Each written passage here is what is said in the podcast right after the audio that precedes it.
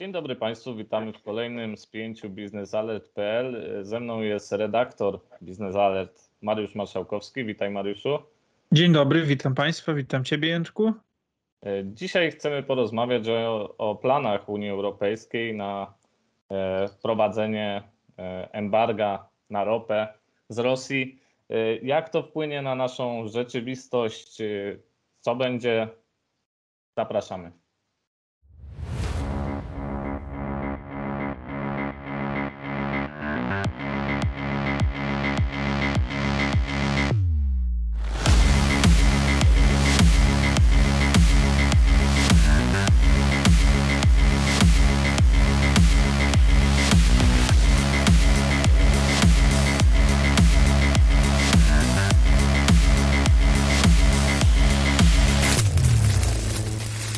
Mariusz, to o czym wspomniałem e, we wstępie naszego spięcia, czyli embargo e, na ropę z Rosji.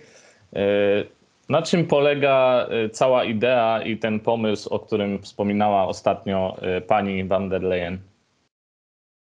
No, chodzi przede wszystkim o sankcje na produkty naftowe i ropę naftową sprowadzoną z Rosji.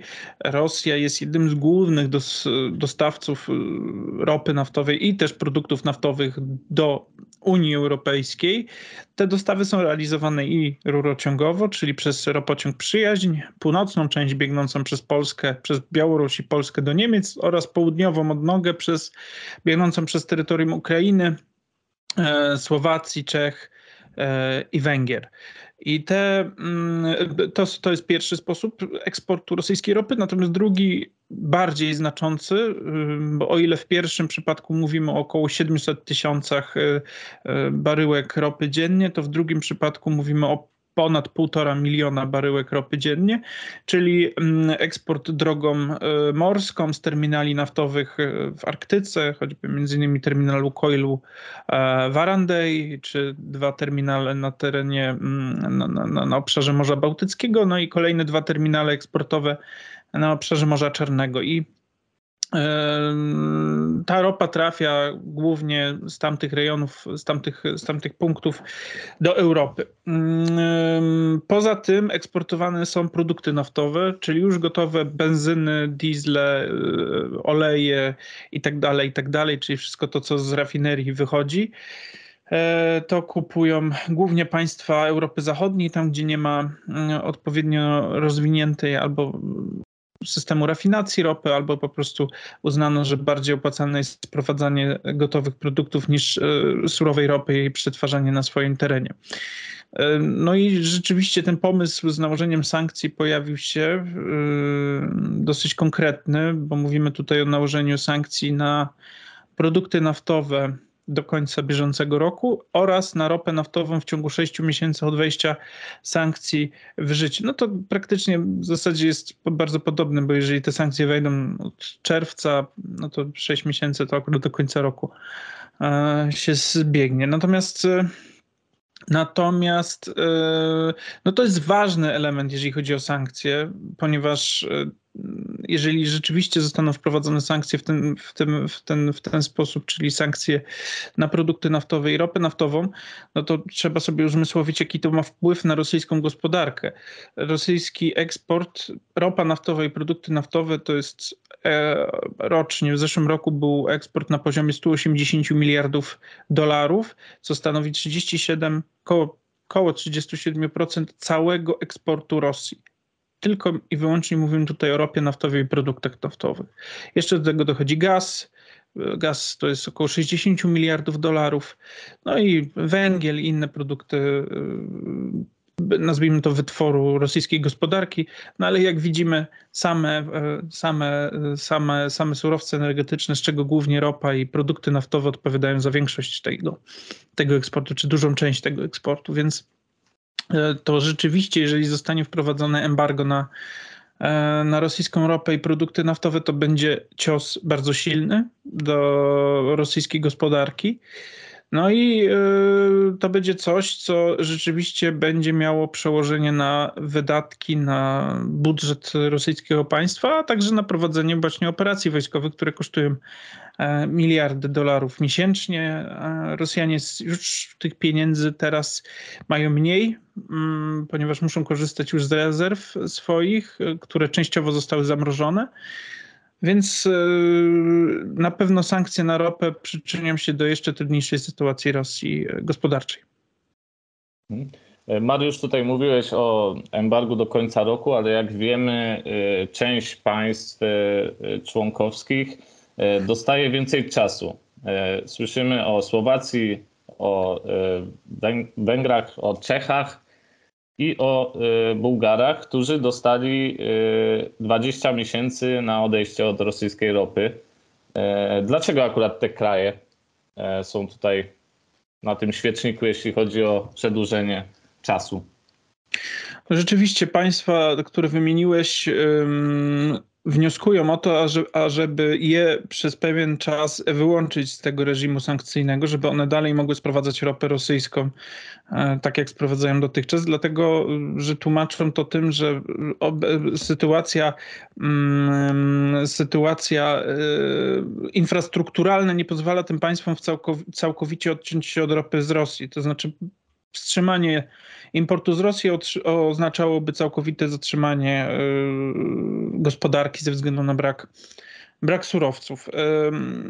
No i te państwa w, w założeniu negocjują wyłączenie 20-miesięczne, chociaż pojawiają się na przykład sygnały ze strony Słowacji, która mówi o tym, że docelowo chciałaby mieć taki okres trzech lat wyłączenia.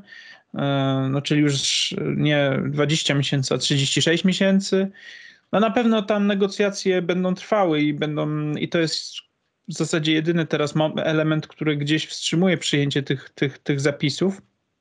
E, natomiast no tutaj pojawia się pewien problem natury takiej konkurencyjnej, ponieważ załóżmy, że Węgry, które są, które posiadają jeden z większych koncernów energetycznych w Europie Środkowej, czyli MOL, e, który ma swoje zakłady w, między innymi w, na Węgrzech, w Czechach, ma swoje zakłady też w Chorwacji Mm, no, czy, czy Rumunii, nagle by się okazało, że ten koncern ma dostęp do tańszej, do, do surowca, który jest sprzedawany z rabatem rosyjskim. E, no i e, to by też w pewnym sensie mogło wpłynąć na pozycję e, rynkową tego koncernu, szczególnie w zestawieniu na przykład z Orlenem, który będzie musiał sprowadzać ropę z innych kierunków świata. Z innych kierunków, czyli, czyli droższą, no bo to jest też mówi samo przez się jakby. Więc tutaj są pewne obawy, pewne mm, wątpliwości.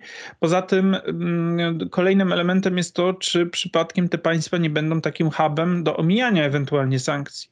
Nagle się okaże, że na przykład Węgry zużywają dwa razy więcej ropy niż przed wprowadzeniem sankcji. Też się może takie coś pojawić. Potem się okaże, że gdzieś jacyś handlarze, pośrednicy sprzedają tą ropę gdzieś dalej i to jest drugie ryzyko.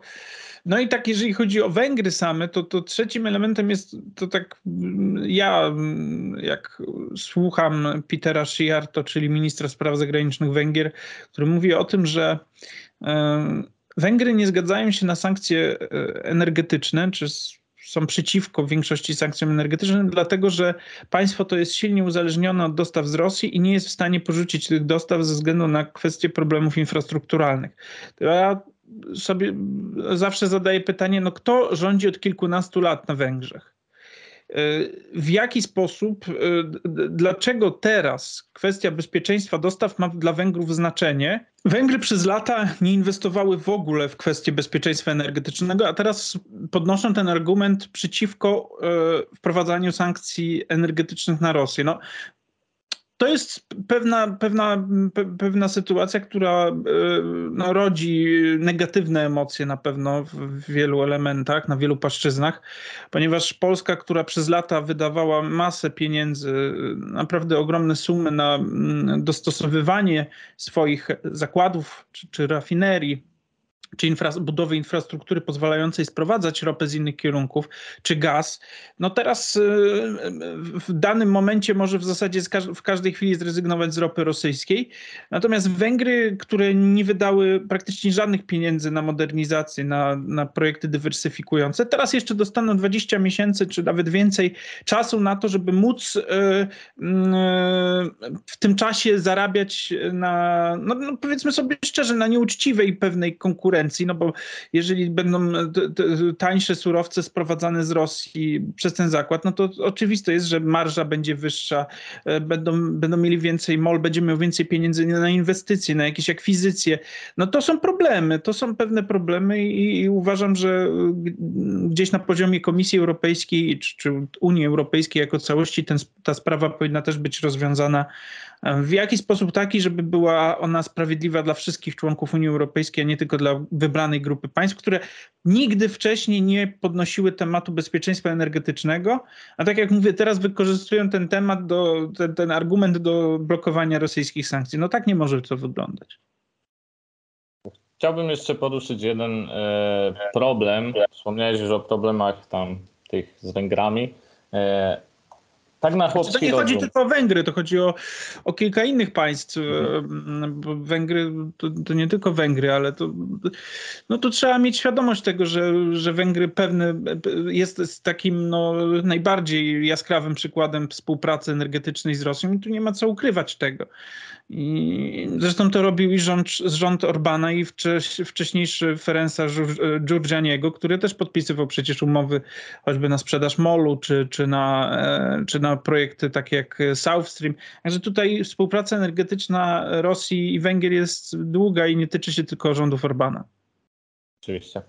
E, chciałem wspomnieć, wspomnieć o samych cenach ropy, które po tej informacji z Komisji Europejskiej wzrosły. E, tak na chłopski rozum, no jeśli jest coś droższe, no to będziemy musieli za to zapłacić. E, I tutaj takie pytanie, czy, czy Polacy, Europej, Europejczycy muszą się obawiać wzrostu cen benzyny na stacjach? E, no nie tylko benzyny, bo oleju napędowego i, i autogazu również. Także tutaj um, znaczy, no na pewno musimy mieć świadomość, że wyłączenie jednego z głównych graczy na rynku energetycznym, jeżeli chodzi o dostawy surowców, będzie powodowało wzrosty cen. I to nie ma co ukrywać, tak się stanie.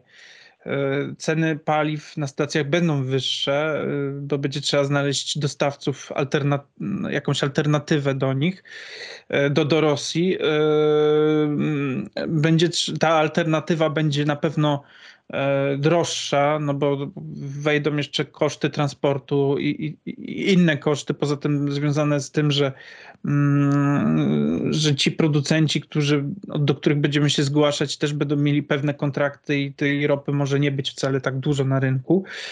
E, natomiast musimy pamiętać o tym, jaki cel mają te sankcje. To nie są sankcje, które są wprowadzane żeby były, one mają być fasadowe, obchodzone na wszelkie możliwości, żeby po prostu ktoś tam, jakiś pośrednik zarobił, tylko chodzi o to, żeby sankcje były rzeczywiste sankcje, które mają zaboleć rosyjskie państwo, żeby porzuciło to państwo politykę agresywną, politykę militarystyczną, bo jeżeli Rosjanie poradzą sobie z Ukrainą, a nie będą mieli dostatecznej kary za to finansowej, jeżeli nie będą miały, jeżeli Rosja nie zostanie cofnięta wręcz w rozwoju, jeżeli chodzi o gospodarkę, to y, po kilku latach odbudowy tego potencjału może być tak, że Rosjanie zdecydują się pójść jeszcze dalej a na tym, e, tym jeszcze dalej to już, będzie, to już będą państwa prawdopodobnie natowskie. Dlatego, żeby, mówię natowskie, chodzi mi o państwa bałtyckie. No jeżeli państwa bałtyckie będą, to jednocześnie my również musimy się liczyć z tym, że będziemy wciągnięci w tę wojnę. Dlatego e, sankcje, pomimo iż będzie, są bolesne, każdy zapłaci za to. My też przecież. No to nie jest tak, że e, będziemy mieli jakieś zniżki czy coś. No, no nie, no wszyscy będziemy płacić więcej, będziemy płacić więcej na stacjach, będziemy będziemy więcej płacić za usługi, za produkty. Tylko, że jeżeli nie zapłacimy tego, tych dwóch czy trzech złotych więcej na litrze, a Rosjanie będą dalej prowadzić tą politykę, to za kilka lat będziemy musieli salwować się ucieczką, i, a na, na nas będą spadać bomby i rakiety.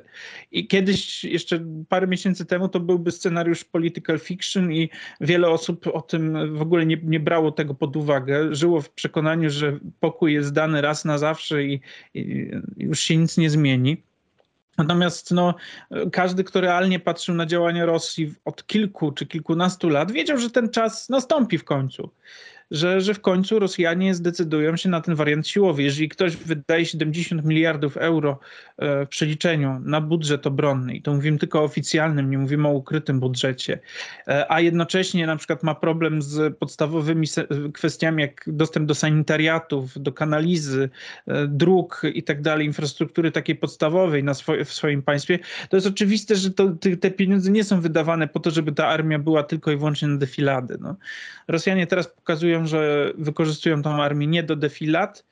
Yy, no i musimy też się liczyć z tym, że jeżeli odpowiednio nie zareagujemy, odpowiednio ostro, to będziemy mieli powtórkę tego za parę, paręnaście lat u nas w Polsce yy, z takimi samymi skutkami, jak teraz yy, borykają się Ukraińcy. Trzymamy więc kciuki, żeby sankcje spełniły swoją rolę i zatrzymały tyrana z Kremla. E, Mariusz, dziękuję Ci bardzo za, za to nasze dzisiejsze spięcie.